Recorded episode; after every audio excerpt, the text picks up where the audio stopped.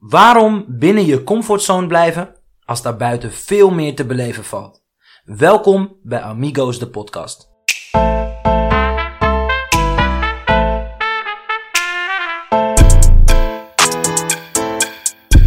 Welkom dames en heren Amigos en amiguitas. bij de allereerste aflevering van Amigos de podcast. De podcast waarbij drie amigos met verschillende achtergronden vanaf nu jouw wekelijkse vriendengroep zijn. Waarbij we samenkomen om te chillen, van elkaar te leren en te sparren over alle uitdagingen in het leven. Dit doen wij aan de hand van actuele onderwerpen waar wij en onze generatiegenoten tegenaan lopen. Taboes en oppervlakkigheid kennen we niet, want wekelijks zoeken we met jou de diepgang op. Ja mannen, we zijn los, welkom. Yes, We zijn er. We zijn er eindelijk. de allereerste. Was een lange reis, hè, jongens? Zo. Het heeft even geduurd. En zo naar eh, DJ Ewaya Noordin, die ons, eh, die ons geluid nog heeft kunnen fixen. We hebben het eh, al zelf geprobeerd, maar techniek is niet onze sterkste punt. Nee, nee, dat bleek maar weer, hè? Hey, zal ik het vaste trio kort introduceren? Ja, man. Doe je Nou. ding. Nou, naast mij zit degene met de moeilijkste naam, namelijk Shakar. 26 jaar oud, geboren in Irak van Koerdische afkomst en is op zeer jonge leeftijd met zijn hele familie gevlucht naar Nederland. En tegenover mij zit Mohammed, oftewel Mootje. 26 jaar, eh, op papier van Marokkaanse afkomst, in de praktijk valt het behoorlijk mee. En tot slot, de gastheer van vandaag, mijn naam is Jerry, 25 jaar en volledig van Nederlandse afkomst. Ehm, het idee eh, zit al een tijdje in ons hoofd. Mo, kun jij toelichten, waarom zijn wij in godsnaam met het idee gekomen om een podcast te starten, naast dat wij enorm aan zelfoverschatting doen? ja, dat is denk ik wel een hele goede introductie dat je daarmee begint. Maar het idee kwam eigenlijk eh, ehm, ja, op, op een vrijdag of zaterdagavond, waarbij we ehm, simpelweg eigenlijk dit soort gesprekken altijd wel met elkaar een beetje voeren. En eh, op een gegeven moment kwam jij volgens mij zelf, Jerry, met het idee van, hé, hey, eh, ehm, ja, zouden we niet voor de grap een keer opnemen? En zodoende is dat idee eigenlijk een beetje gaan groeien. En eh, ja, nu stappen we vandaag officieel uit de comfortzone. Naast dat we het zelf enorm leuk vinden om te doen, willen we hiermee ook een, iets, een situatie creëren dat mensen sommige dingen ook met hun eigen vriendengroep gaan bespreken die wij hier bespreken. En mis je dit binnen je vriendengroep, eh, wat diepgang, met de nodige humor, dan kun je hier natuurlijk ook naar luisteren. Ehm, dus ik denk dat dat ook een van de redenen was. Ja, zeker, zeker. Oké. Nou, als ik om me heen eh, kijk, kan ik zeggen dat de integratie behoorlijk goed gelukt is. Shaka, kun jij dit toelichten? Ja, nou, ik bedoel, als je naar ons kijkt, hè, naar onze vriendengroep, dan eh, zitten wij hier met een eh, Nederlander, met een Marokkaan en een Koerd. En eh, nou, we hebben hele goede gesprekken, we doen leuke dingen met elkaar, we staan voor elkaar klaar.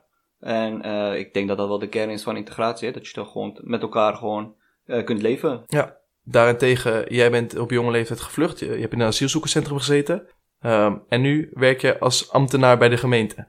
Ik zag deze al aankomen. Maar dat klopt. Ja, ja. Wat Wij wil daarmee zeggen, Jerry? Ja, dat wij dus indirect zijn salaris betalen. Ja, Ja, jullie niet alleen hoor, ook de luisteraars.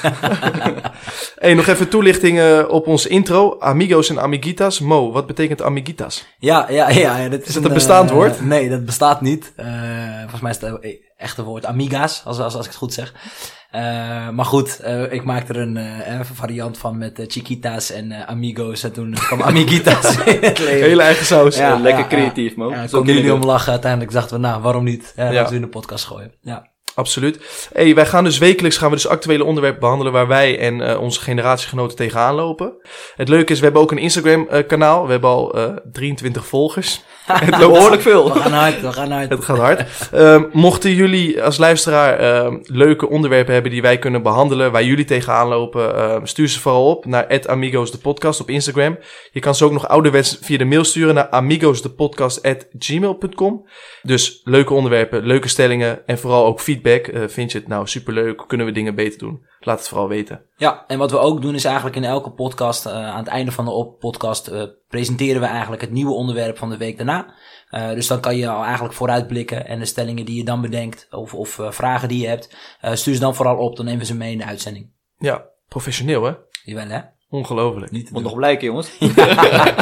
Hey, laten we, wij gaan wekelijks vanaf nu ook met een actualiteit van de week eh, beginnen. Dus dat, eh, is er iets spectaculairs gebeurd? Is er iets geks gebeurd eh, in de wereld of in Nederland? Eh, of zijn wij persoonlijk ergens tegenaan gelopen? Dan zullen wij dit vooraf even bespreken. En dan gaan we kijken wat wij daarvan vinden. De eerste actualiteit waar we mee gaan beginnen, in de allereerste aflevering dus van Amigos de podcast. Eh, afgelopen week kreeg ik continu een pop-up via WhatsApp. Ik weet niet of jullie het ook gezien hebben. Over een aanpassing van de gebruikersvoorwaarden.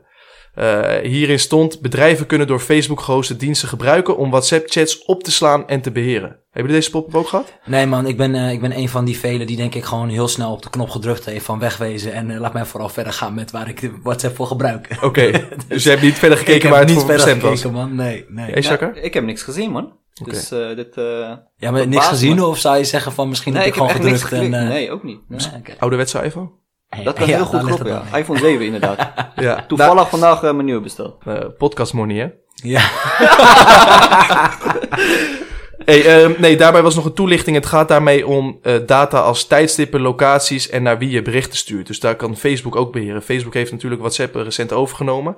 En die gaat dus nu over alle informatie, eh, kunnen ze daarover beschikken. Onder andere Tesla-baas Elon Musk en Twitter-oprichter Jack Dorsey. Die moedigden eerder deze maand via social media hun vele volgers aan alternatieven voor WhatsApp te installeren. Zodat wij niet nog meer data aan Facebook zouden prijsgeven. Ik dacht, ik dacht dat ze dat al deden, man. Omdat Facebook eh, al lang volgens mij WhatsApp hadden overgenomen, toch? Waarschijnlijk niet specifiek de data als het tijdstip, de locatie waar je bent en met Ja, wie je chat. Precies. Ja. Oké, dat zijn zeg maar de toevoegingen die er nu zijn bij zijn gekomen sinds ja. deze update. Oké, Ja. Kom- Ja. Komt eh, Facebook nog meer te weten over ons? Ze weten al alles. dat is niet normaal hoor. Ja. Ik zeg je eerlijk, ik heb af en toe hebben jullie ook dat moment dat je zeg maar op Facebook zit te scrollen en dat je in een groep met eh, over een bepaald, eh, weet ik veel, ik noem het maar een stofzuiger hebt. En dat die op een gegeven moment eh, in één keer eh, open je telefoon en dan zie je een advertentie van een stofzuiger. Ja, man. Ja. Eerlijk. Ja. Als je het nog niet hebt gezocht op Google of zo, Snap want dat je? kan ook. Maar dat je het gewoon inderdaad gewoon hè, tijdens het gesprek dat hebt opgenoemd. En dan krijg je dat opeens op eh, Facebook of Instagram te zien. Ja man. Alsof ze live meeluisteren of zo. Klinkt Echt, heel maar volgens creepy. mij is het, ik heb dat een keer dus, eh, ben ik dieper gaan kijken. Ehm, en toen zag ik dus bij die voorwaarden dat ze toestemming hebben om jouw microfoon op de achtergrond op te nemen.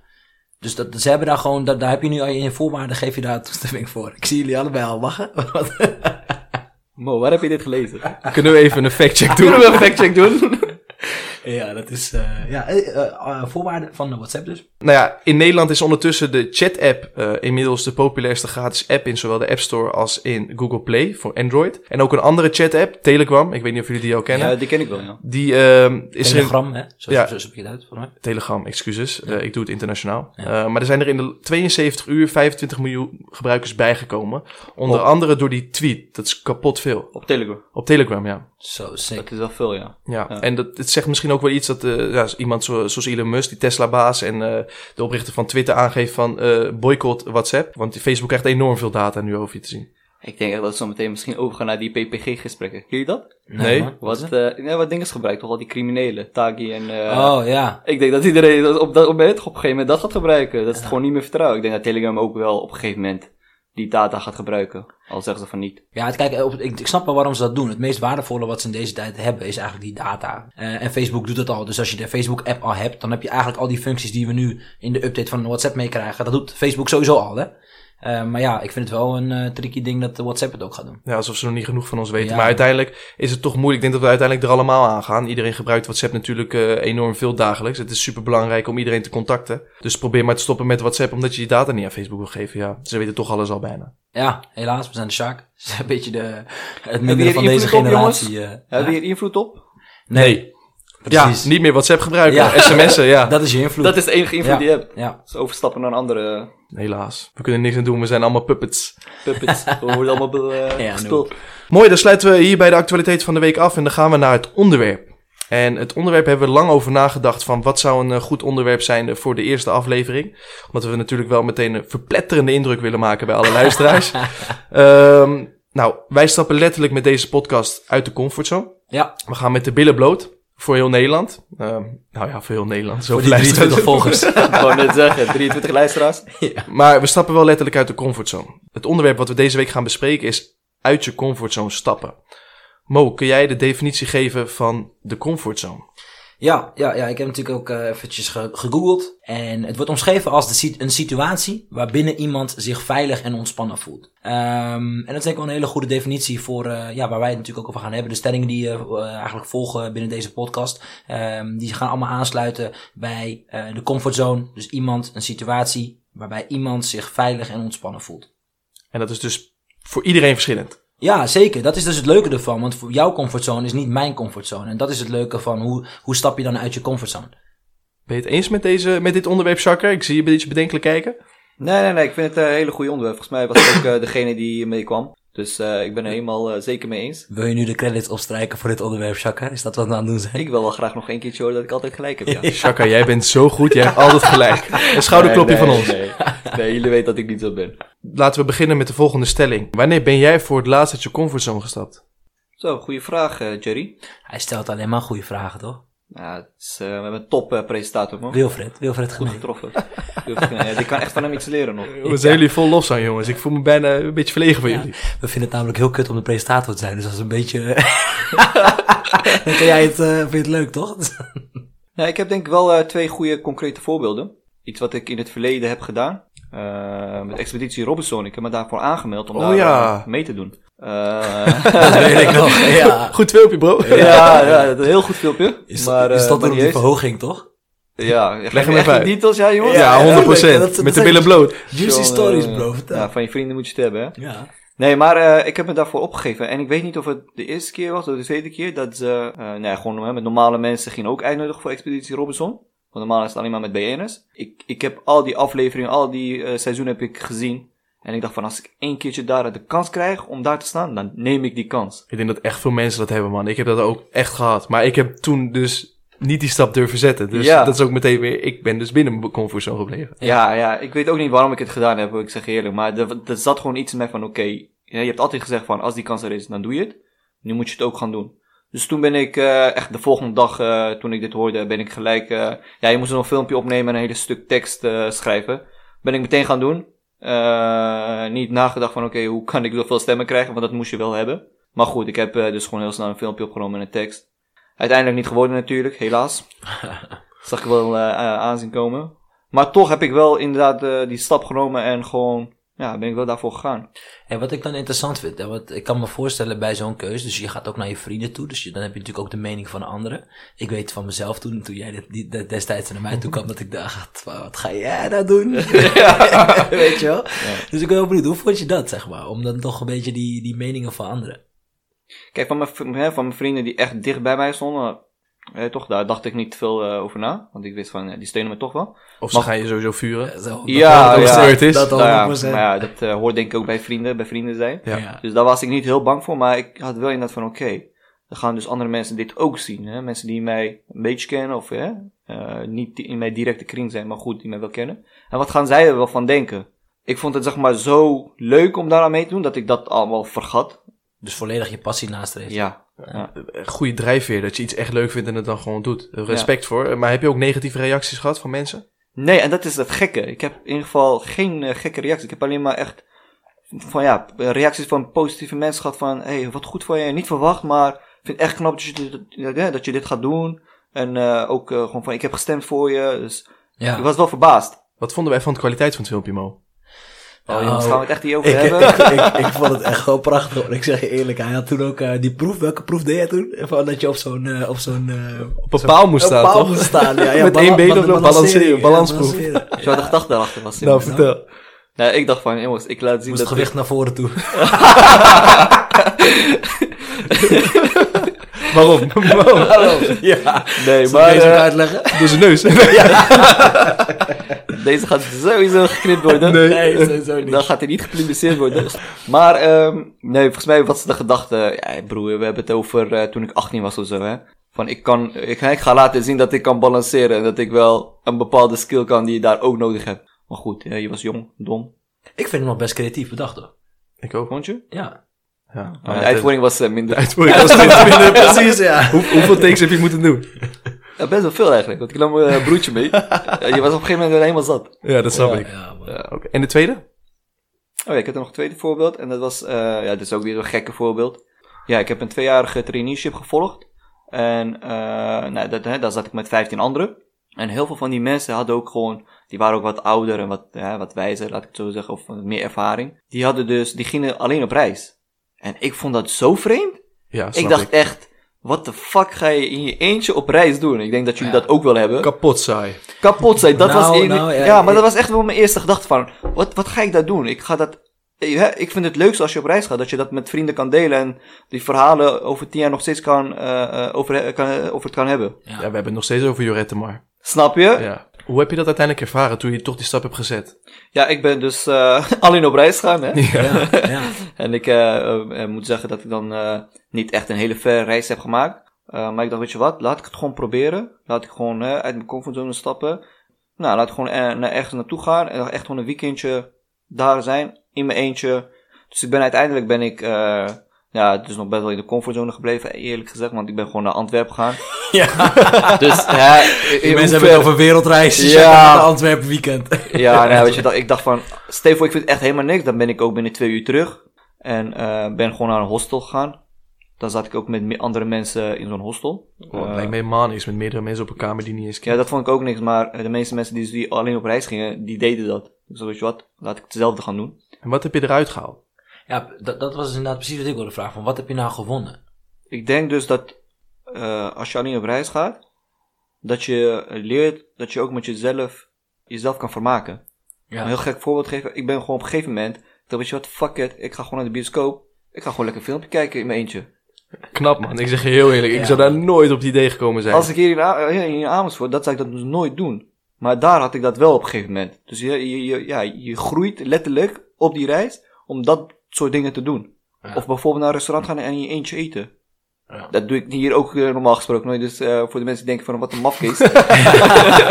Dit was gewoon een, eh, puur een eh, test en een pilot voor mezelf. Ja. Eh, en ik kan wel zeggen dat ik daardoor echt wel gegroeid ben. Ook al was het maar een weekendje. Wat ik ook denk, is dat de vraag, dus we stellen de vraag van wat heb je gewonnen. Eh, maar wat denk ik nog mooier is, is je hebt niks verloren. Wat heb je nou echt verloren met die reis? Weet je, je, hebt- je had alleen maar kunnen winnen. En dat is denk ik vaak wat mensen die, dus die angst, waar we het even terug hier over, het over hebben, eh, die, die is, was dus overbodig. Want je hebt niks verloren. Nee, klopt. Ik denk inderdaad, als, als- je het zo bekijkt, ik heb niks verloren. Maar goed, ik heb ook gewoon een goede, ja, goede periode gehad. Maar stel dat het helemaal kut was. Ja, stel voor dat is helemaal kut, hè? Ja, Stel voor dat is helemaal kut. Dan vraag je me af of je dan nog, nog een keer zo'n reis zou maken. maar wat heb je dan verloren? Ja, niks. Snap je? Nee, Eigenlijk niks, niks, niks. Ik Want je groeit. Dus die Ja. groei die heb je sowieso al gewonnen. Ja, ik snap wat je bedoelt. Ik snap wat je bedoelt. De mens leidt het meest van het lijden dat hij vreest. Dus de mens leidt het meest van het lijden dat hij vreest. Dus Ja. hij is op voorhand al bang, ga je al, benad- ga je al nadenken over wat er kan gebeuren. En daardoor zou je het misschien niet kunnen doen. En daar vrees je dan voor. Terwijl achteraf gezien, wat heb je verloren? Je hebt het gedaan, uiteindelijk kom je tot de conclusie, dit is niks voor mij. Maar dan weet je dat van jezelf. Of ik vind het superleuk en je gaat het vaker doen. Precies Ja. dat. Dus Precies stap dat, uit je ja. comfortzone. En ik vind Ja. dat super knap. Ik heb daar ook Ja. veel respect voor gehad eh, dat je dat toen gedurfd hebt. Ik heb op het begin uitgelachen, maar toen ging ik nadenken. Je, weet hoe vrienden zijn. Ja. En toen ging ik nadenken. Ik dacht, nou, het is eigenlijk wel een mooie stap. Dat zou ik misschien zelf ook wel willen. Ja, ik ga het niet doen. Ja. ja. En waarom niet? Ja, waarom niet? Ehm, wat je zegt, ik zou ook altijd zeggen van ja, ik wil het liefst gewoon met vrienden eh, de ervaringen delen. Maar ik vind het wel een mooie, mooie koppeling naar eh, dat ik een keer uit mijn comfortzone ben geweest. Ik ben in 2015 en 2016 heb ik in Mallorca gewerkt als propper. Het beste beroep dat er is. Geen vooroordelen alsjeblieft, maar de vooroordelen kloppen. dat is goed gezegd. Maar Ja. toen ben ik dus naar Mallorca geweest om, eh, om daar propper te zijn. Ik was het jaar daarvoor met de vriendengroep in Mallorca op vakantie. En toen dacht ik altijd van, oh, hoe vet zou het zijn als je hier werkt. Bij een van die clubs. Je weet toch, als je daar op vakantie bent, dan herken je altijd de proppers van de clubs. En dan ga je Ja. met die en die even een praatje houden. Dat zijn een beetje de, mensen, de, de bekende mensen daar op zo'n eiland. Dus ik dacht gewoon in 2015, ik wil dat heel graag doen. Alleen, ik durfde dus niet in mijn eentje te gaan. Dus wat jij zegt van, ik ga gewoon in mijn eentje reizen. Ik dacht van, ja, dan ga ik, daar kom ik in een omgeving terecht. Ik ken helemaal niemand. Ik vind mijn plek daar niet lekker. Eh, dus dat was echt een drempel voor mij. Toen heb ik gelukkig eh, een hele goede vriend, dus nog steeds een super goede vriend van mij, gevonden die ook diezelfde nou, droom had, eh, ambitie had. Dus toen zijn we met z'n tweeën gegaan en werden we aangenomen. Nou, achteraf gezien, wat heeft het mij gebracht? Ik heb de leukste tijd van mijn leven gehad. Ja. Oprecht. En ik hoorde, het leuke was ook dat heel veel mensen daarna tegen mij zeiden, vet dat je dat gaat doen. Dat wil ik ook zo graag doen, maar ik heb het nooit gedaan. En toen dacht ik van ja, dat is echt zo. Want ik heb de leukste tijd van mijn leven daar gehad. Al had ik het niet leuk gevonden, heb ik toch die ervaring gehad. Juist. Naast dat mijn eh, lever een enorme klap heeft gehad van tien weken daar werken. Maar eh, ja, daar ben ik super blij mee. Maar ik had het dus, als, ik, die- als die vriend van mij niet meeging, had ik het dus niet gedaan. Dus dan was ik de mooiste tijd die ik eigenlijk binnen mijn leven gehad heb, of een van de mooiste tijden, had ik dan gewoon misgelopen omdat ik niet in mijn eentje durfde te gaan. Ja, maar dat is, dus toch, dat, dat is toch het perfecte voorbeeld van wat uit je comfortzone je kan opleveren. Absoluut, absoluut. Dus ik heb het gedaan, maar toch wel weer dan die kentering dat ik begrijp dat je die overweging maakt van ja, ik wil niet in mijn eentje gaan. Dus Ja. het was bij mij gebalanceerd op het randje, ga ik het wel doen of niet doen, lag dus af van die vriend van mij of die meeging. Dus ik nam niet het hef in eigen handen. En dat is denk ik wel wat ik daarvan ook geleerd heb nu. Dat ik denk van ja, in mijn eentje had ik het ook gewoon moeten doen. Ja, maar ik denk wel dat dit zijn natuurlijk eh, grote dingen. Dus als je naar Mallorca gaat voor een langere periode. Dus je moet eh, voor een langere periode moet je uit je comfortzone stappen. En dan kan het. En dan, dat is misschien, een, weet je, dan, dan is het lastiger. Ik begrijp dat mensen dan het niet doen. Maar goed, je hebt ook andere voorbeelden, weet je, kleinere voorbeelden. Ik zou er zelf ook even eentje noemen, van mezelf. Ehm, Ja joh, neem het woord. hè, dan, eh, Als ik zo vrij mag zijn. Nee, Als ik tuurlijk vrij mag wel. Nee, maar ehm, eh, ik, heb, ik heb bijvoorbeeld nu de keuze gemaakt na drie jaar eigenlijk op mezelf te wonen, eh, weer terug te gaan naar mijn ouders. Ja. Ehm, en ook met de kanttekening eigenlijk om, om, om toch iets meer financiële vrijheid voor mezelf te genereren. Zodat ik inderdaad wat vaker uit mijn comfortzone kan stappen. En eh, eigenlijk met ook het doel om die wereldreis nog een keer te gaan maken. En waarom vind je dit uit je comfortzone stappen? Nou, ik zal je vertellen, als jij drie jaar op jezelf eh, woont, eh, dan is teruggaan naar je ouders en het regels thuis, zeg maar, dat is toch wel anders. En daar moet je ook, eh, ja, moet je toch uit je comfortzone stappen, want mijn comfortzone is natuurlijk veranderd. Of die verandert. En, en het beeld natuurlijk ook wat andere, weet je. Ik bedoel, vaak als je op jezelf gaat wonen, dan is de volgende stap dat je een partner hebt of dat je kinderen krijgt. En ik ga nu eigenlijk een stap terug doen, om het even zo te zeggen. Zo wordt het vaak gezien. Ja. Ik vind het zelf dus geen stap terug, maar zo wordt het wel vaak gezien. Ehm, dus dat, dat neem je dan ook wel mee. Dus dat is dan weer die angst slash eh, ja, gedachten die door je heen gaan. Eh, maar ja, ik heb wel, wel echt het idee van ik wil straks natuurlijk die wereldreis gaan doen. Dus dat, dat zit wel in mijn achterhoofd. Ja. Ga, je die wereldreis alleen maken of gaan we hem supporten? Ja, kijk, dat is dus lastig. Want ik heb altijd wel gezegd van ik wil graag alleen nog een keer, zeg maar, zo voor een periode weg zijn. Ja, ik die ja, groei... gezellig eh, wel. Ik dacht dat wij amigos waren. Oh, amigo, helaas. Nou, nou, wacht, ik ga, ik ga het toelichten. Want ik vind, ik vind zeg maar dat ik dus... het- Ik hoor jou nu praten, Jerry. Jij zegt nu van, oké, anders had ik dat maar in Mallorca niet gedaan eh, als, ik, als ik alleen moest. En eh, ik vind dus wel dat ik zelf zeg maar graag nog die wereldreis alleen wilde maken. Maar het is wel een veel grotere drempel voor mij. Dat als, tenzij ik met jullie bijvoorbeeld nu op vakantie of wereldreis zou gaan, dan zou ik nu meteen gaan. Ja, Ik zeg je eerlijk bro, als jij nu tegen mij zegt we gaan wereldreis maken, ik ben daar bro. Want dat is ook, denk, dat staat zeker op mijn bucketlist. Snap Bro, je je? gaat precies nergens komen met deze coronatijden, bro. Laten we Dat is zeggen na de corona jongens. Hè? Ja, ja, ja, ja, ja. Ja. Volgende stelling. Angst is de grondlegger van de comfortzone. Ja, ik denk, ik, ik denk het wel. Ik denk wel dat, eh, niet alles hoor, maar ik denk dat heel veel wel vanuit angst is gevoed. Dat je vanuit angst niet bepaalde eh, dingen eh wil doen, die zeg maar uit je comfortzone ligt. Ik denk, ja, ik denk ook bijvoorbeeld onzekerheid. Dat, hè, als je onzeker bent, dan durf je misschien ook bepaalde dingen, dingen niet te doen. Eh, maar niet altijd angst, denk ik. Maar, Maar ik komt- denk wel, dat is wel echt de basis. Komt onzekerheid ook niet voort uit angst? Bepaalde faalangst of Ja, angst eh, voor het beeld wat je geeft aan de mensen om je heen. Angst om eh, afgewezen te worden. Ja. Ja. ja, als je zeg maar op die manier redeneert, dan... Ja, dan, dan, is de wel, grondlegger ja. dus echt angst Ja, weer. Ja. ja. Uit onderzoek van een, neuroloog die ik, eh, die ik heb gevonden, eh, gaven ze aan de drie belangrijkste angsten die je uit de comfortzone houden. Zijn de angst om niet goed genoeg te zijn, de angst om te falen en de angst om niet aardig gevonden te worden door je omgeving. Dus dat het bepaalde kritiek kan opleveren of afwijzing wanneer je uit je comfortzone stapt. Dus wanneer je eigenlijk iets geks doet waar je je niet vertrouwd bij voelt. Dus eigenlijk zijn er twee die, die, die eh, intrinsiek liggen, dus bij jezelf. Ja. En eentje die e- extrinsiek, zeg maar, bepaald wordt. Ja. Dus zeg maar dat je bang bent voor wat de omgeving van je denkt. En die andere twee zijn je eigen faalangst en bang zijn dat het eigenlijk niet goed genoeg is. Maar wat, dat sluit op zich wel bij elkaar aan. Interessant. Want welke angsten houden jou tegen om eh, uit je comfortzone te stappen? Ja, ik denk dat alles wel bij angst begint, hè. Want toen, eh, nu je dit zo zegt, ik kan me herinneren dat ik een, een boek heb gelezen. Het gaat over, nou, over small, small talks, hoe je eh, een, een, een- ja, een soort van small talk eh, gesprek kan houden. Maar wat het probleem is als je dat zeg maar, nog niet goed kan. Ze hebben daar verschillende redenen voor, maar echt de basis is gewoon angst. Snap je? Dus alles is terug te leiden naar angst. Dat is het enige. Dus als jij die angst kan overwinnen, dan kan je die andere dingen ook. En wat bedoel je met small talk? Small talk, dat je gewoon een, eh, een gesprek met iemand kan voeren waar, ja, gewoon lullen. Wat we eigenlijk nu hier nou ook aan het doen zijn. Alleen maar small talk. Ja. Maar ja, wij, wij gaan nog wel een beetje diepte in. Dus een small talk, dan heb je het over koetjes en kalfjes. En daar ging het zeg maar het boek over. Shaka, wat je eigenlijk bedoelt, zeg je, ik weet dat van jou. Jij bent natuurlijk eh, het boek gaan lezen omdat je het, eh eh, small talk, dat vond je interessant. Daar wilde je jezelf in ontwikkelen. Mm. Ehm, en daaruit bleek dus ook in hetzelfde boek dat het echt om dus angsten ging. Wat jou dus tegenhoudt om die small talk te kunnen voeren. Dus die groei, die werd tegengehouden door die angst. Ja, dat klopt. Oké, en, en dan vind ik het dus heel interessant. Dus eigenlijk is, is uit je comfortzone stappen, is weer diezelfde angst. Want dat is ook, hè, een small talk voeren, is eigenlijk afstappen op iemand. Wat dus ook uit je comfortzone is.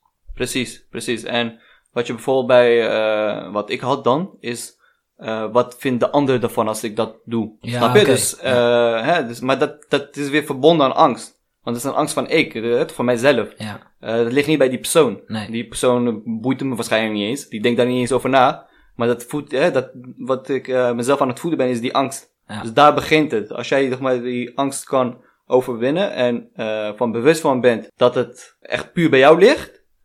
En als je zeg maar, de ballen hebt, om het zo maar te zeggen, als je dat durft. Ook al voel je die angst, maar toch gewoon doen. Ja. Dan merk je dat je dat, als je dat, hoe vaker je dat doet, hoe beter je daarin wordt.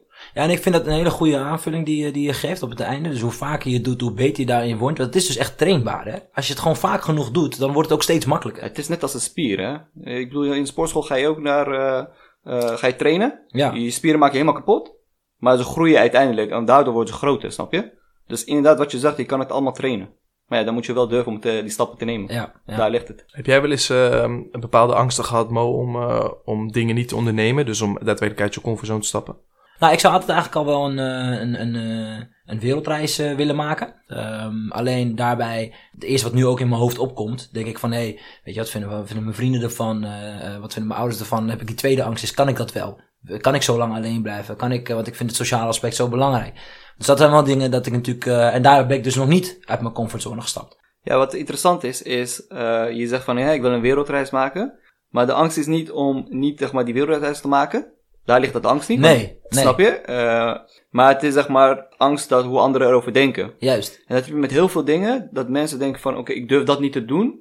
Maar het ligt niet per se aan datgene wat je wil doen. Dat is niet zeg maar dat angst. Maar er ligt iets daaronder. Juist. En als je weet wat daaronder ligt, dan kan je daar ook mee aan het werk gaan. Hoe kom je daarachter dan? Dat lijkt me best wel moeilijk. Ik, we hebben natuurlijk allemaal legio voorbeelden, maar hoe zou je daar het beste achter kunnen komen?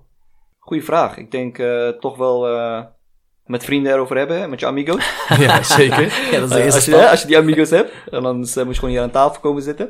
Nee, maar uh, ik denk je daar met mensen erover hebben en uh, durven die confrontatie met jezelf aan te gaan.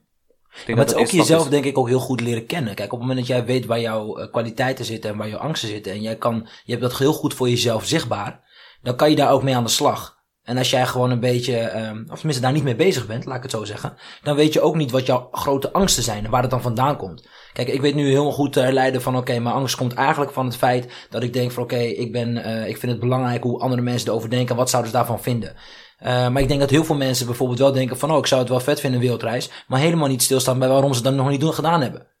Dus blijven ze in die situatie waar ze zich veilig en vertrouwd voelen. Precies. Zonder die confrontatie met zichzelf aan te gaan en daadwerkelijk ook die wereldreis te gaan maken. Juist. Dat is dan uiteindelijk, weet je, je, je conclusie is dat je gewoon nog steeds thuis zit en nergens bent geweest. Nou, dat is bij mij ook het geval, maar ik heb wel die bewustwording gehad.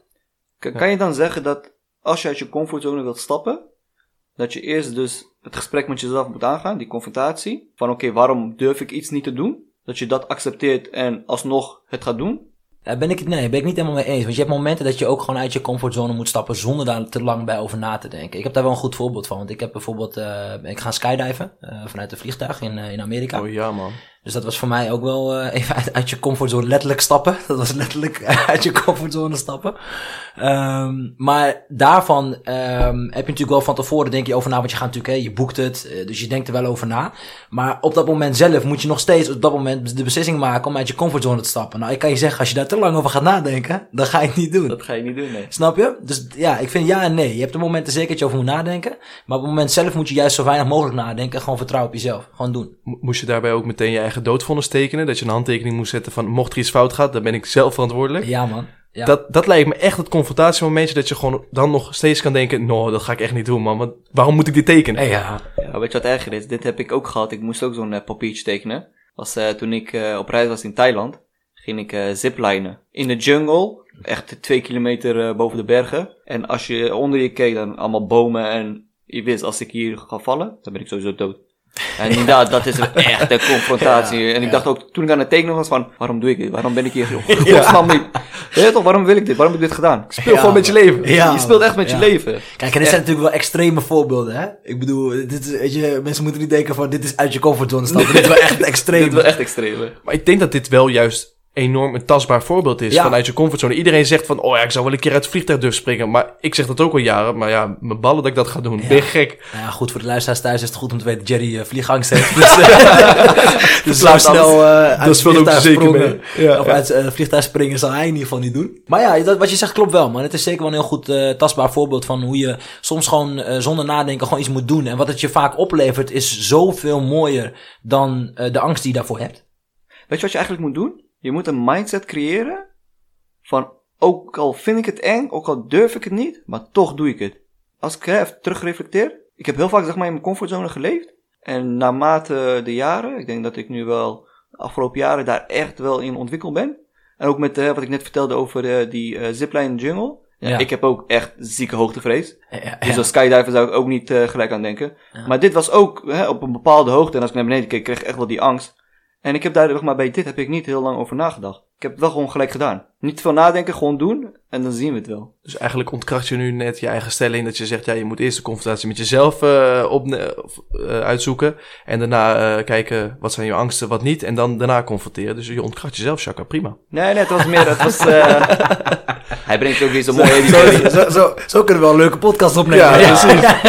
Nee, maar ik bracht er meer van, eh, een soort van vraag als van, jongens, zijn jullie het mee eens? Het was niet, zeg maar, hoe ik er over de, nou, Ja, of ik zeg het mee maar- eens was of niet. Ja, Ik denk dat Want hoe vet, hoe vet vond je het toen je uiteindelijk klaar was? ja koude vet. Eerlijk, Ja, toch? echt, echt een hele mooie ervaring. Maar ik weet niet of ik het nog een keertje zou doen. Vooral in die, eh, in die setting, zeg maar. Ik zou het zeker nog een keer doen. Ik zeg je eerlijk, ik, ik, uiteindelijk, eh, om wat context te schetsen, het was in, eh, in eh, Californië. Eh, dus tussen LA en, en San Francisco. En dan zit je dus aan het water. En dan spring je van vijf kilometer spring je naar beneden toe. En dan zie je de zee. En ja, bro, het is echt alles in 2D, want je ziet geen diepte meer. Dus voor mij heeft het juist opgeleverd dat ik een vette ervaring heb gehad. En dat ik het nog een keer zou doen. En als ik het niet had gedaan, dan zou ik er nu nog niet eens open voor staan. Dat is een mooie ontwikkeling. Daarentegen heb ik jouw filmpje gezien. Je liep te janken als een baby toen je eruit sprong. Van dit zeggen, ja. ja. dat kun je nu wel heel stoer doen nu. Maar je stond te schreeuwen en te janken als een baby toen je eruit ik, sprong. ik heb wel aardig wat geschreeuwd. Ja, zeker. maar goed, dat, dat is het juist. Want het is, het is natuurlijk super eng, hè. Laat ik dat ook eh vooropstellen. Het, het is ook super eng. Weet je, welke mogol doet dat? Eh, maar, Jij. ja, ja, Jij. maar ja, als je daar staat en je hebt het gedaan, is het wel echt een mooie ervaring. Ja, dat zijn vooral dus eh, activiteiten die je doet. Dus dat je eigenlijk ergens bang voor bent, maar dat je het doet. Ik heb bijvoorbeeld ook wel een angst dat ik eh, altijd een beetje rekening hou met de mening van anderen. Dus dat let mij heel erg om dingen te doen. Dus dat ik denk van, oh, eh, wat vinden mijn vrienden hiervan? Dat is een beetje gek, toch? De maatschappij heeft een bepaalde basislijn gecreëerd van doe maar normaal, doe je al gek genoeg. Ja. En dit is een beetje gek, waarom zou ik dat risico nemen? Net als die podcast, heel eerlijk gezegd. We hebben tijdens je nagedacht van, gaan we een podcast starten? Nou, ik heb de afgelopen drie weken continu in mijn hoofd gehad. Ja, dat ga ik echt doen. En een uur later dacht ik, ja, wat de fuck gaan we in godsnaam doen? Nou, wie zit hier in godsnaam op te wachten? En wat zijn de reacties? Ik, in de context, ik, ik voetbal bij, bij Sparta Nijkerk. Nou, je kent de, de voetbalhumor een beetje in de kleedkamer. En denk ja, man. wat de fuck gaan die gasten van die allemaal over mij zeggen? Podcast, ben je niet goed bij je hoofd? Ja. Maar uiteindelijk zetten we het toch door. Omdat uiteindelijk de basis is dat we het superleuk vinden. Ja. En wanneer je iets superleuk vindt, waarom zou je het niet doen? Precies dat. Test het, probeer het, gaat het fout? Oh ja, je bent wel bij jezelf gebleven. En dat Ja, is denk ik de je- mooiste. En je hebt die groei meegemaakt. Hè? Want als je het niet doet, dan zal dat, dat lijkt mij denk ik echt het kutste wat er is. Als je straks 70, 80 bent en dat je de vraag kan stellen aan jezelf, had ik maar. Ja, Snap je? Ik denk dat je dan echt denkt van shit. Weet je, dan ben ik eh, op een bepaalde leeftijd waarbij ik het niet meer kan doen. En nu kunnen we heel veel doen. En, eh, noem het activiteit, noem het andere dingen. Je kan heel veel proberen. Je hebt nog weinig verantwoordelijkheden. Je hebt geen kinderen, weet je. Dus voor ons is het natuurlijk ook makkelijker.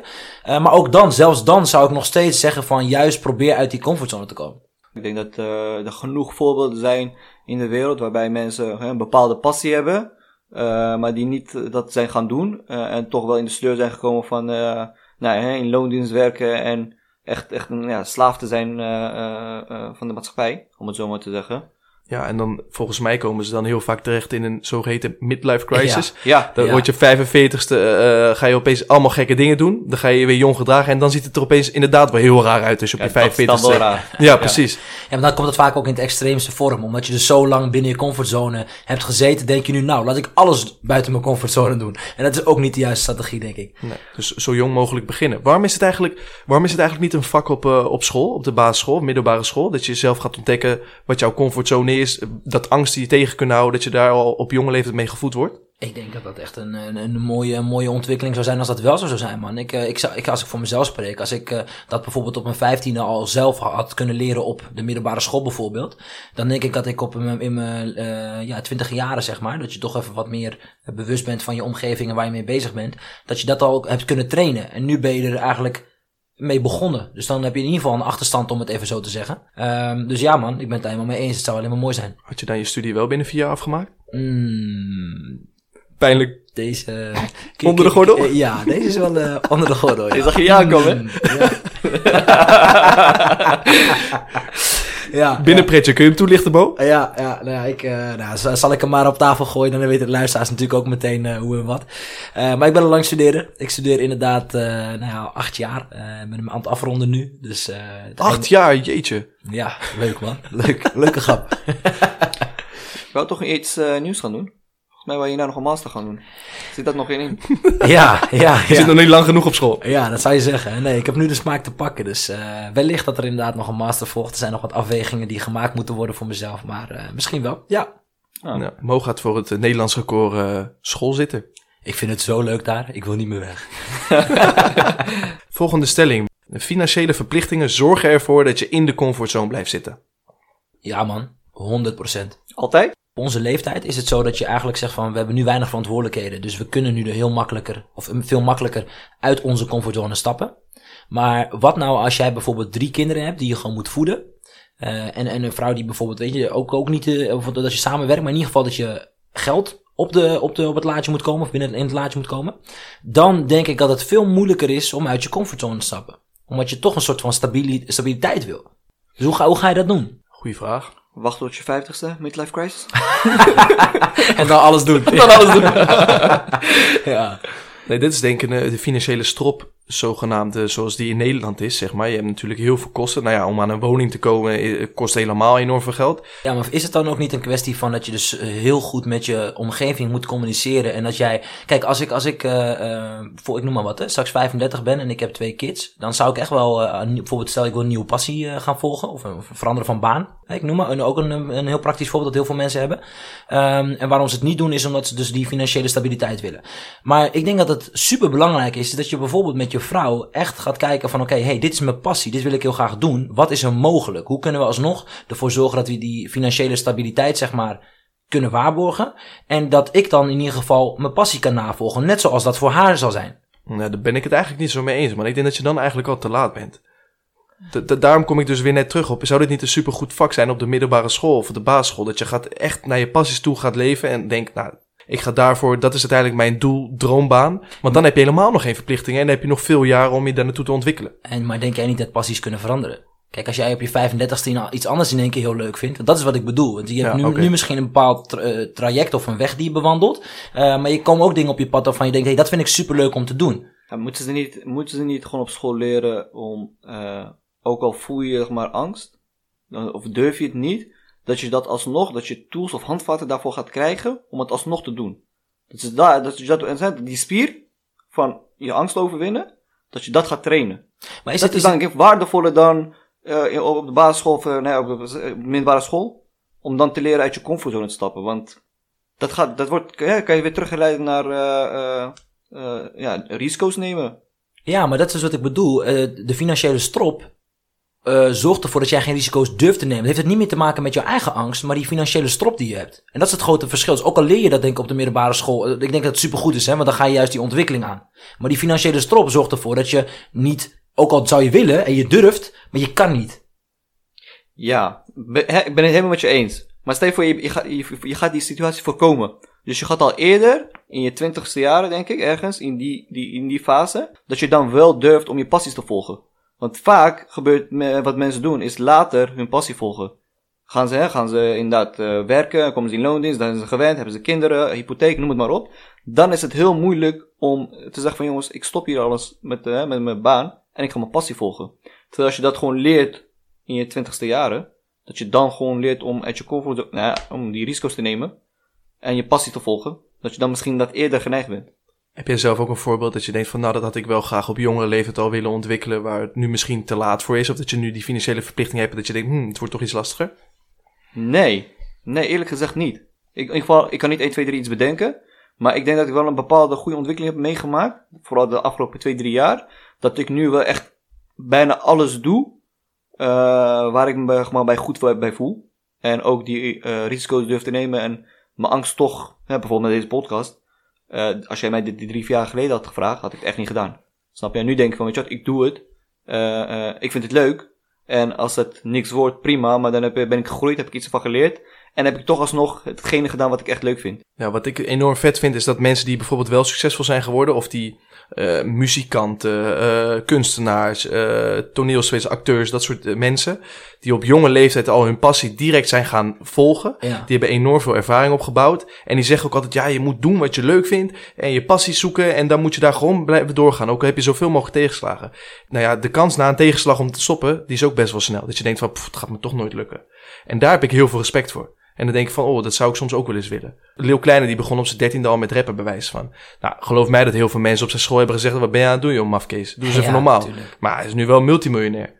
Bewijs van. Dus daar heb ik wel super veel respect voor als je dat kan, zeg maar. En ik heb dat op jonge leeftijd ja, niet heel erg eh, gedurfd, eh, denk ik, heel eerlijk te, durf ik heel eerlijk te zeggen. Nou, ik, ik denk wel, jij bent natuurlijk ook in, in, in de profvoetballen ben je natuurlijk ook je passie gaan volgen. Dus in die zin heb jij wel continu gedaan wat jij leuk vond. Alleen eh, heeft het zich niet uitbetaald. Dat is eigenlijk het enige. Nu zit ik met jullie podcast op te nemen. Is- maar toch, ik 80 bedoel, graden gedraaid eh, je carrière. Ja, ja, maar ik, ik denk wel dat het wel iets is wat je, wat je echt bent gaan volgen. Ja. Ja, goed punt eigenlijk. Maar dat was, ja, dat was natuurlijk wel je droom en daar was je goed in. Dus voor de context om uit te leggen, ik heb mijn hele jeugdopleiding bij een, eh, bij een profclub, bij FC Utrecht gevoetbald tot mijn achttiende. Dus ja, dat was wel mijn passie en droom altijd vroeger. Maar eh, dat, die mazzel heb ik gehad om daar dan te mogen spelen. Maar hoeveel jongens... Kijk, mooi, jij wou ook profvoetballer worden. nou ja, dat is geen blinde nog op je twaalfde. Dat gaat hem nooit lukken. dat gaat het niet worden, nee. Maar je kan wel je passie blijven volhouden, trainen, trainen, et cetera. En dan heb je misschien tegenslagen en dan kun je toch blijven proberen. ja, maar je, je hoeft Zonder dat je misschien niet realistisch bent. Nou, maar het hoeft niet, zeg maar, je passie is, eh, wat, je passie hoeft niet succesvol, je hoeft niet, zeg maar, zo groot en zo succesvol te, te zijn in je passie om je passie te kunnen volgen. Dus wat jij nu ook doet, is op een lager niveau nog steeds voetballen. En dan doe je ook nog steeds iets waar je gepassioneerd over bent. Ik denk dat jij heel blij zou zijn als jij gewoon eh, met voetballen gewoon goed kan verdienen en kan van leven. Toch? Inderdaad, je hoeft niet eh, inderdaad, eh weet ik veel, multimiljonair te worden. Precies. Maar ik denk dat de, de meesten echt wel blij mee zijn als ze gewoon met hun passie, of in ieder geval hetgene wat ze leuk vinden om te doen, dat ze daarmee kunnen leven. Dus ook al kan dat jullie, eh drie dagen, ook al is het een ja, modaal inkomen, laat ik dat maar even zo zeggen. dus eigenlijk zeggen jullie nu dat ik ondankbaar ben. Klein beetje. Hoezo ondankbaar? Nou, omdat ik erover loop te klagen dat ik mijn passie Maar niet gehaald heb. Maar ik dat ik uiteindelijk nu toch dan... Of hij bedoelde, duidde je niet op mij. Nee, hij bedoelde wel, Nee. maar hij bedoelde Oh, eigenlijk je salaris. Dus als jij zegt, ik verdien nu modaal bij Sparta, dan eh, ga ik ook weer eh, mijn schoenen trekken, denk ik. Mooi, er is nog hoop, bro. nou, modaal, modaal, modaal. Zeker niet. Zeker, Nee, niet. precies. Ik heb nog een baan ernaast, hoor. Dat was met zo'n feest. Oké, ehm, volgende stelling. Ik trek me veel aan van de meningen van anderen. Nee, vroeger wel heel veel, maar nu eigenlijk niet zo, man. Ja, ik heb eigenlijk een beetje hetzelfde. Ik, eh, vroeger, als je, als, je, als je mij dit vijf, zes jaar geleden had gevraagd, had ik gezegd 100%. Maar nu echt totaal niet meer. En dat, eh, dat, is- dat, dat is aangeleerd, hè. Het is niet uit het niets gekomen, maar dat heb ik gewoon mezelf aangepraat en aangeleerd. Ja, ik vind wel de meningen van, van mensen die dicht bij me staan belangrijk. Ja, 100%. Maar 100%. verderaf zeg maar niet meer. Dat is, dat is, Ik, eh, ik ben nu ook ben, ik ben in zo'n staat dat als mensen een eh, slechte mening daarover hebben, of van, dat moet je niet doen, dat ik het juist ga doen. ja, ja, Zo zit ik ja, er precies. Vol, ja. Volop in de aanval. Hoe bedoel je? Ja, Het gaat, gaat niet lukken? Is goed, gaan we zien. Ja, Zo zit ik nu echt erin. Ja, ik heb, Dat, ik, heb dat, ik heb dat denk ik ook altijd wel gehad, man. Als je, ik denk dat pas sinds een half jaar dat niet meer heb of zo. Dus dat ik daar Ja. altijd wel mee geworsteld heb. Ik heb ook heel erg het gevoel gehad dat ik altijd eh, geleefd heb hoe ik wou dat anderen me zouden zien. In plaats van dat ik geleefd heb vanuit mijn intrinsieke. En niet op alle vlakken, hè, absoluut niet. Maar wel op bepaalde onderdelen dat ik me misschien anders voordeed dan dat ik daadwerkelijk was. Of daadwerkelijk hoe ik mezelf tentoon wou stellen. Ik denk wel dat ik me aantrek eh, van wat anderen misschien van mij vinden of mijn acties. Alhoewel ik dat de laatste tijd, ik ben de laatste half jaar, dus ik ben afgestudeerd ook heel veel met persoonlijke ontwikkeling bezig. Ja, dan interesseert het me eigenlijk helemaal niet. Ik denk ook, waar heb ik me in godsnaam al die tijd om druk om gemaakt? Ja. Zodra je altijd iets doet van wat je zelf leuk vindt en zelf goed acht, doe het gewoon, fuck it. Eh, wat ik me afvraag, hè, hoe voel je je, nu je dat doet, hè, hoe voel je je, zeg maar? Ehm, een stukje verlossend of zo. Dus dat je, je laat je geluk niet meer afhangen van wat andere mensen van je vinden. Daarnaast ook, eh, je staat achter elke keuze die je maakt, ook al gaat het fout. Ja, ik vind het Dus- wel mooi dat je zegt eh, verlossend. Want zo voelt Ja, het ook, echt hè? zo. Ja. Ja, echt zo. Nou, ik heb wel echt een concreet voorbeeld ook. Ik merk dat ik eh, in de periode dat ik bij FC Utrecht voetbalde, was er een bepaalde druk op mijn schouders, die ik mezelf vooral heel erg heb aangepraat. Ja, je vrienden, iedereen in je omgeving weet dat jij bijvoorbeeld bij FC Utrecht speelt. En ik merkte dat als er dan de, dan hadden wij schoolvoetbal. Wij hebben ook met z'n allen in een schoolvoetbal in Ja, een man. team gezeten. Ja. En ehm, ja, het is ondertussen verjaard, maar ehm, toen hadden wij in het vierde, vierde jaar de eerste keer dat ik aan schoolvoetbal meedeed. Want normaal moest ik altijd trainen. Ehm, toen heb ik mijn training geskipt om met schoolvoetbal mee te doen. Oh ja, dat weet ik Ja, nog. ja, dat weet ik nog. Omdat- Ja, toen heb ik tegen mijn trainer gezegd, hey, ik heb een belangrijke toets, ik kan niet komen trainen. Heel veel gezeik om gehad, maar ik dacht, nee, ik wil meedoen met schoolvoetbal. Maar toen had je toch een bepaalde druk dat mensen, hè, alle scholen in Amersfoort, waar je tegen speelde, die wisten, hé, hey, ze hebben een jongen die bij FC Utrecht speelde. Dus je had een bepaalde druk die je zelf oplegde van, ik moet nu goed presteren. Ehm, eh, mensen kijken me allemaal raar aan als ik een fout maak. Ik mag geen fouten maken, want ik moet die status volhouden. En daardoor legde ik mezelf een extra druk op en presteerde ik gewoon veel minder. Uiteindelijk was het heel kut voor ons, want daardoor hebben we het kampioenschap niet mogen winnen. omdat ze daarachter kwamen. Ook dat nog eens, ja. Klaar waarom die in het veld zo boos wordt elke keer. Nou, maar dat is echt zo. Want ik, ik merk ook zelf dat ik... Ik ben het meest kritisch op mezelf. Dus als ik een fout maak, dan ben ik helemaal van de leg. Was ik vroeger. Hè? Als ik een fout maakte, dacht ik, ja, de trainer, wat vindt hij wel niet van me? Of wat vinden de supporters wel niet van me? En dat is, dus ik heb al die tijd gewoon met een extra druk gevoetbald, die ik mezelf oplegde. Omdat je bang bent wat de mening is van anderen. En helemaal bij schoolvoetbal, je bent altijd het mannetje, je doet altijd een beetje stoer, een beetje Ja. popiopie. Maar als je dan een fout maakt, dan kunnen ze zeggen, "Pff, waarom speelt hij bij FC Utrecht? Ja, ik denk wel een mooi voorbeeld. Ja, eh, man. Als ik het zo hoor. Het is een perfect voorbeeld, denk ik. En, en wat, je, wat, wat, je, wat jullie beide eigenlijk zeggen, het verlossende. Ik denk dat, eh, weet je, dat, is, dat is het mooiste wat je eruit kan krijgen. Als je dat gewoon niet meer hebt. Ah, dat is zo lekker, Je, man. je, je kan vrijheid voetballen in deze zin, maar je kan ook vrijheid denken. Je kan vrijheid in je keuzes, want je staat overal achter. Je hebt Ja. overal goed nagedacht. En ik voel me er goed bij.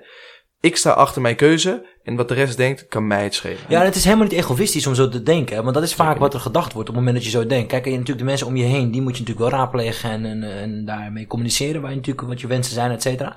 Eh, maar het is helemaal niet slecht om te zeggen van, hé, hey, dit is eh, wat, waarom ik dit doe. En het goed kunnen onderbouwen. Dan sta je inderdaad achter elke keuze.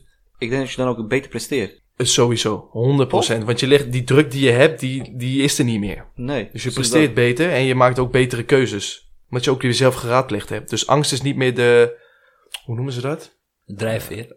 Ja, dus angst is niet meer de drijfveer, zeg maar. Nee, je eh, positieve kijk erop, dat het positief eindigt, dat is je drijfveer. Of je passie, of dat je het leuk vindt. En niet meer de, de, de mening van anderen, zeg maar. Ja. ja, het goed willen doen voor anderen is dan inderdaad je drijfveer, ja. Ik had nog wel een eh, vraag, eh, boys. Ehm, Nu komt hoor. Niet te kritisch, hoop ik. nee, nee, nee. Ik, vind, ik, ik vond hem zelf interessant, dus ik hoop eh, jullie ook. Welke mensen heb je om je heen nodig als je meer uit je comfortzone wilt stappen? Dus welke type mensen heb je nodig daarvoor? Dat vind ik een hele goede vraag. Want ik geloof echt wel dat... Jullie niet. Zo, nee, wat is zo, Vurings is begonnen, is begonnen. Deze is gewoon gelijk eh, van... eh, Vertrouwensband. Zo, sowieso. Gebaseerd op vertrouwen. Ja, echt op vertrouwen, maar ook dat, dat mensen die, eh, die durven. Als, als, je, als, als eh, mensen die actief zijn in plaats van passief. Ja, maar ik snap wel wat je bedoelt. Chaka, jij hebt ooit een keer tegen mij gezegd... je wordt het gemiddelde van de vijf mensen waar je het meeste mee omgaat. Ja. En eh, die vond ik super vet. En dan ging ik meteen nadenken... oh, waar, waardoor komen mijn patronen zo? Of hè, waar is dat op gebaseerd?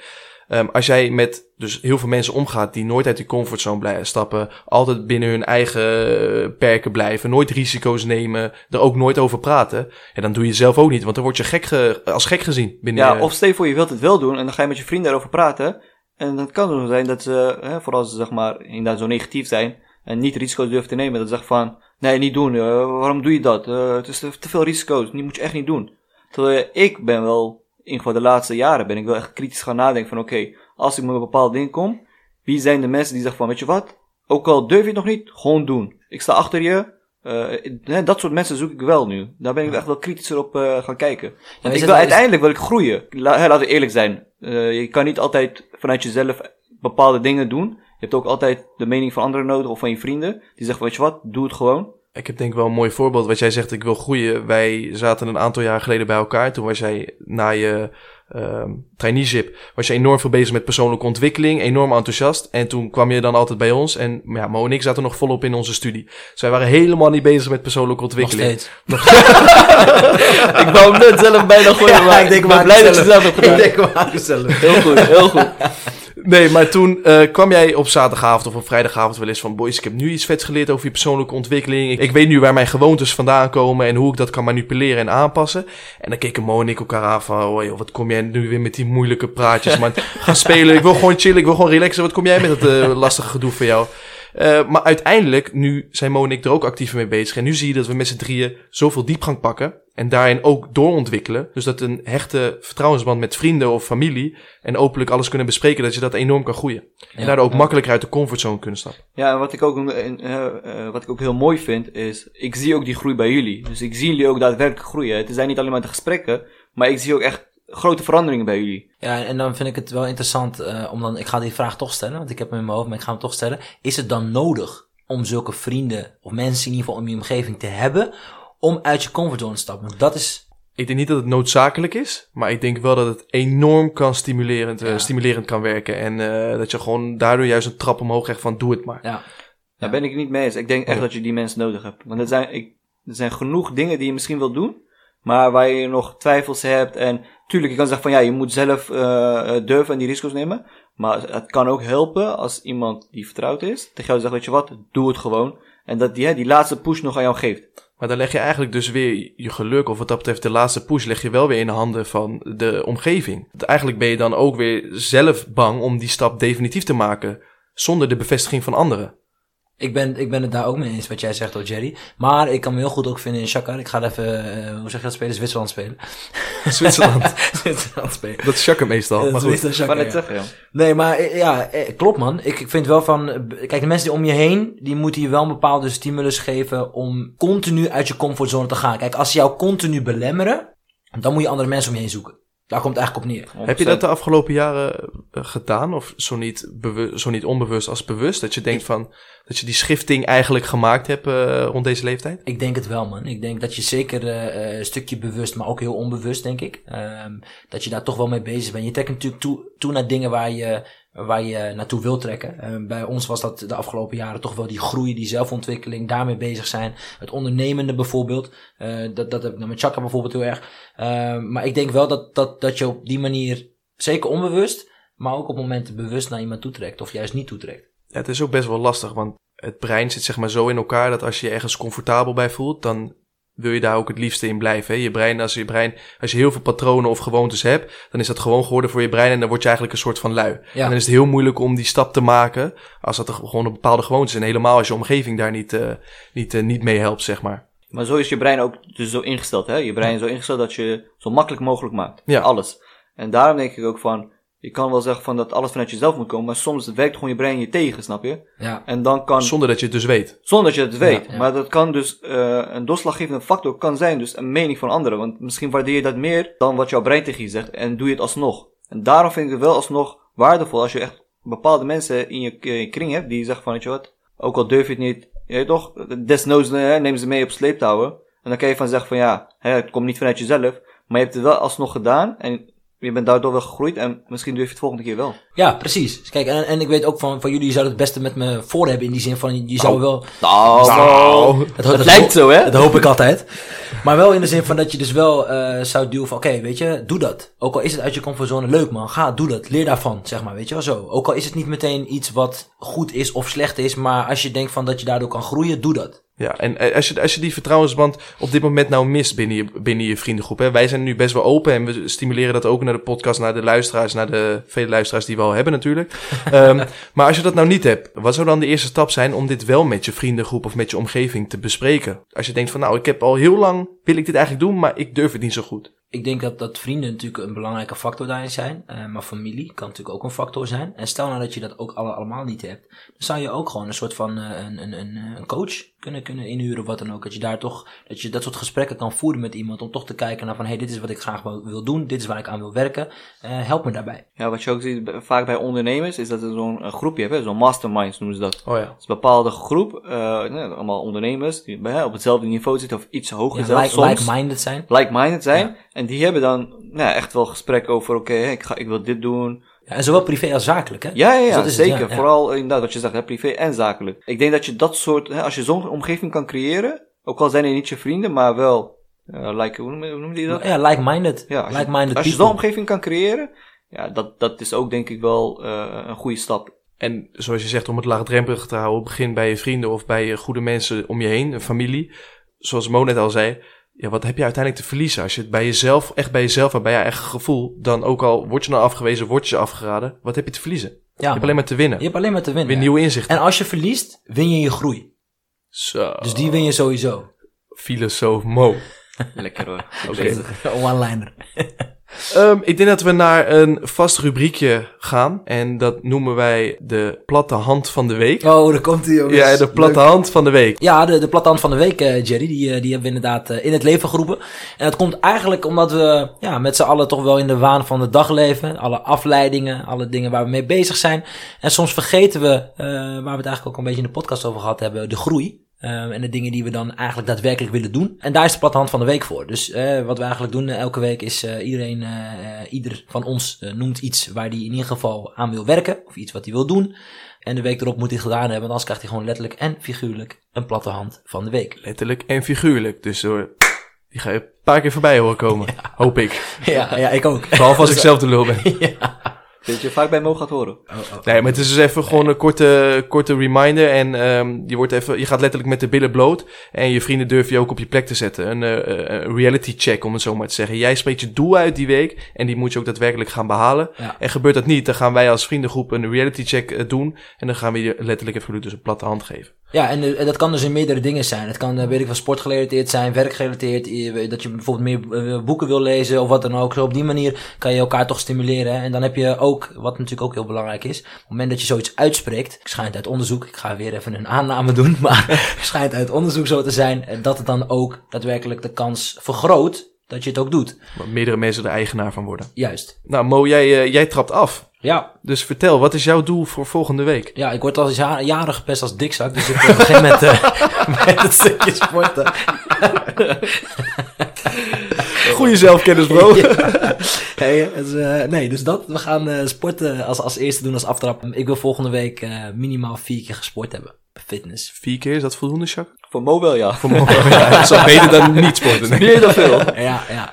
Nou, grappig dat je zegt, want eh, wij trainen de laatste tijd veel samen. Dus ik kan Ja. dat ook eh, echt gaan controleren. Ja, absoluut. Ja, precies. Ja. En dan volgende week gaan wij dus bekijken of Mo zijn doel behaald heeft, ja of nee. Ik hoop van niet, want dan mag ik hem lekker een platte hand geven waar iedereen bij is. Ja. Daarentegen hebben jullie leuke suggesties voor een platte hand van de week. Dat jullie denken, nou, probeer dit doel eens te halen. Hè. Jullie zijn ambitieus. Eh, laat het vooral weten via Instagram, amigos de podcast of eh, mail het even naar ons toe. Ja, na de platte hand van de week komen we ook bij de tip van de week. En de tip van de week dient als volgt. We gaan elke week, als we bijvoorbeeld een goed boek gelezen hebben, we hebben een mooi muzieknummer gehoord op de radio, we hebben een leuk televisieprogramma gezien, of we hebben gewoon een aanrader of een leuke podcast, naast die van ons natuurlijk, gaan wij een tip van de week gratis aan jullie cadeau geven. Of jullie er wat mee doen, moet je zelf weten.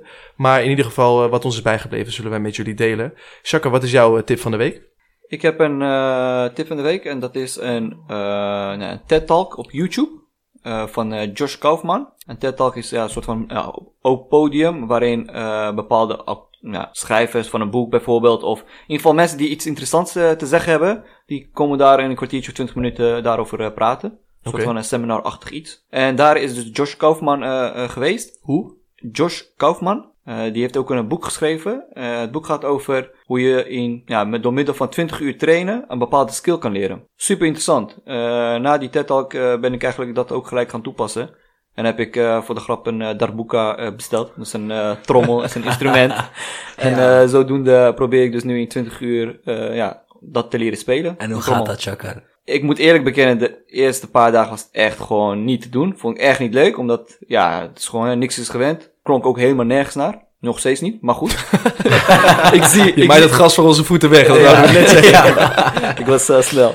Nee, maar ik zie wel een, eh, ik zie wel een groei en eh, ik zit nu denk ik op de helft. Dus eh, ik heb nog eh, ongeveer 10 uurtjes te gaan. Wel leuk. Dat is de drempel om iets te, te leren is al laag, omdat je weet, hey, het zijn maar 20 uur Het investering. zijn maar ja. 20 uur. En het is niet dat je dan echt eh, nou, een hoogleraar daarin bent of eh, dat je het heel goed kan. Maar het is wel gelijk de basis. Je kan wel de basis. Ik heb een, eh, een andere podcast, een concurrent van ons, mag ik hem al een concurrent noemen? Wilde Haren, de podcast van Jiggy J. Sowieso. Nou, Pas Hij komt wel uit dezelfde stad. Dus, hij komt eh, wel ja, uit, ook uit Amersfoort. ja. Ja, Ehm, hij heeft Wilde Haren, de podcast, en daarin heeft hij een aflevering opgenomen met Erik van Muiswinkel. En nu hoor ik jullie denken, Erik van Muiswinkel, wie de fuck is dat? Erik van Mu- Muiswinkel is een bekende Nederlandse cabaretier, eh, voormalig hoofdpiet. En daar komen verschillende kwesties eh, aan bod. Een super intelligente man met heel veel eh, know-how en kennis. En daarentegen komt ook het racismebod eh, naar voren. Over of Zwarte Piet nou racistisch is, ja of nee. Ja, als voormalig hoofdpiet was hij daar eerst op tegen. Maar hij heeft toch uiteindelijk zichzelf afgevraagd. Hm, is het racistisch of niet? En alles moet op een gegeven moment openstaan voor verandering. En hij heeft dus toch het licht gezien dat hij het ook daadwerkelijk niet meer kan volgens uh, hoe het uh, eerst was. is super interessant om zijn gedachtegang daarover te horen. Uh, daarnaast heeft hij het ook over religie, over het huidige schoolsysteem, wat hij echt niet goed vindt.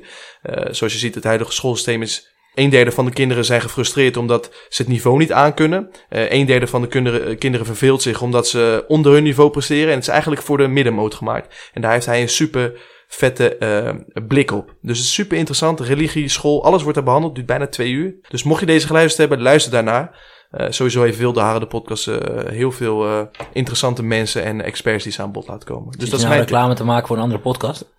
Kijk naar Wilde Haren, de podcast. nee, DJ, SO naar jou, bro. Jerry heeft daarin gelijk. Ik denk een hele onderschatte podcast. Echt hele leuke uh, mensen, die komen ook heel interessant. Ja, neurologen, tot muzikanten, tot ondernemers, tot uh, nou ja, bekende cabaretiers, uh, politici zijn er geweest. Ja. ja, fucking vet. Mo, wat heb jij voor ons? Ja, ja ik heb, ik heb ehm, eentje van eigenlijk een videootje, die je even op YouTube moet, moet checken. Is van Ali B. Um, die is nu ook uh, tegenwoordig natuurlijk ook bezig met zijn eigen zelfontwikkeling uh, platform. Uh, maar ik volg hem eigenlijk al een tijdje ehm, daarvoor, eigenlijk veel, veel eerder. Heb je dat filmpje gezien met Welen, dat hij hem helemaal kapot schot? Tijdens de Voice ja, of Holland. Nee man, hij maakte hem met de grond gelijk. Ja, Echt ja. bizar. Maar goed, even dat te even tussendoor. Ja. ja, Nee, maar hij is, hij is dus, dat zou je misschien, tenminste sommigen zullen het wel weten, sommigen zullen het niet zeggen, maar hij is wel iemand die heel veel bezig is met zelfontwikkeling. En ik had voor een keuzevak voor mijn school leiderschap. Uh, en daarvoor had ik hem zeg maar gekozen als leider. En uh, nou is er een video op YouTube. Uh, hij gebruikt het boek De Zeven Eigenschappen van Effectief Leiderschap. Eigenlijk als leidraad in zijn leven. Dat is een boek van Steve, Steve Covey. Um, en in de video, dat is van, um, ja, dat kan je echt letterlijk zo noemen, YouTube, Ali B. over zeven eigenschappen van effectief leiderschap. en dan zie je hoe hij zeg maar vertelt en wat voor verandering dat teweeggebracht heeft voor zijn leven. En voor iemand die eigenlijk net begint met zelfontwikkeling, vond ik dat wel echt een interessant boek, man. En, en als je hem ook hoort want hij is natuurlijk heel spraakzaam en dat kan goed uitleggen. Dus dat maakt het heel laagdrempelig om toch een beetje een beeld te krijgen wat het boek met jou kan doen. Dus eigenlijk twee tips. En het filmpje van Ali B en daarna het boek lezen. Eigenlijk wel, maar begin met, met de video en kijk dan of je het leuk vindt of niet. Ik denk dat je daardoor wel getriggerd raakt. Mooi. Tot slot, tot slot wil ik nog een kleine SO doen naar een vriend van ons die onze naam verzonnen heeft. Dat heb ik met hem afgesproken. Ah, ja, Amigos ja, de podcast. Hij wil, vind ik dat hij dat niet verdient hoor. Hij verdient het ook. Hij wil 25% van, al het uh, van het geld wat we gaan van verdienen. Wat precies. Van wat precies. van wat precies. We kunnen hem 25% van de kosten geven. Dan deelt hij daarin. Ja, hey, dat vind ik een goed plan. Goede oplossing. Ja. dus dat SO naar Martijn. Martijn Andres op Instagram voor de vrouwelijke luisteraars. oh, dan krijgt hij nou ook nog weer. Uh, ik denk dat dit een uh, mooie afsluiting is van onze eerste aflevering, mannen. Zoals we zeggen, we zijn los. Ja, wel een, uh, een diepgaand onderwerp. Ja. dat is, daar hebben we ook specifiek voor gekozen, omdat we daarmee willen benadrukken dat we met de nodige humor ook daadwerkelijk de diepgang opzoeken. vond je het leuk of heb je verbeterpunten, heb je feedback? laat het vooral weten, want ja, we kunnen natuurlijk blijven ontwikkelen als we het over groeien hebben. Ja.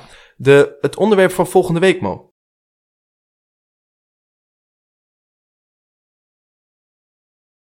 Ja, we gaan het volgende week uh, inderdaad hebben over school uh, slash opleiding. Speciaal um, voor jou. Ja, ja, aangezien ik al acht jaar studeer, vond jij dat een heel leuk onderwerp. Dus wordt wel een hele grote confrontatie. Ja. ja, ja. Nou, ik ben, weet je, laten we dat voor volgende week houden. Dus uh, nee, volgende week gaan we daar dat over hebben. Dus heb je dingen die, waarvan je zegt van, nou, heb het daarover of heb het hierover. En like, subscribe en abonneer. Kan dat op Spotify abonneren? kan niet, ik al volgen. Oh, wou ik altijd een keer gezegd hebben. ja, ja, ja, dus volg ons op Spotify, uh, volg ons op Instagram. iTunes. iTunes, lieve luisteraars, bedankt voor het luisteren en tot volgende week. Ja, waar we het gaan hebben dus over school en opleiding. Dit hebben we toch al lang besproken, bro.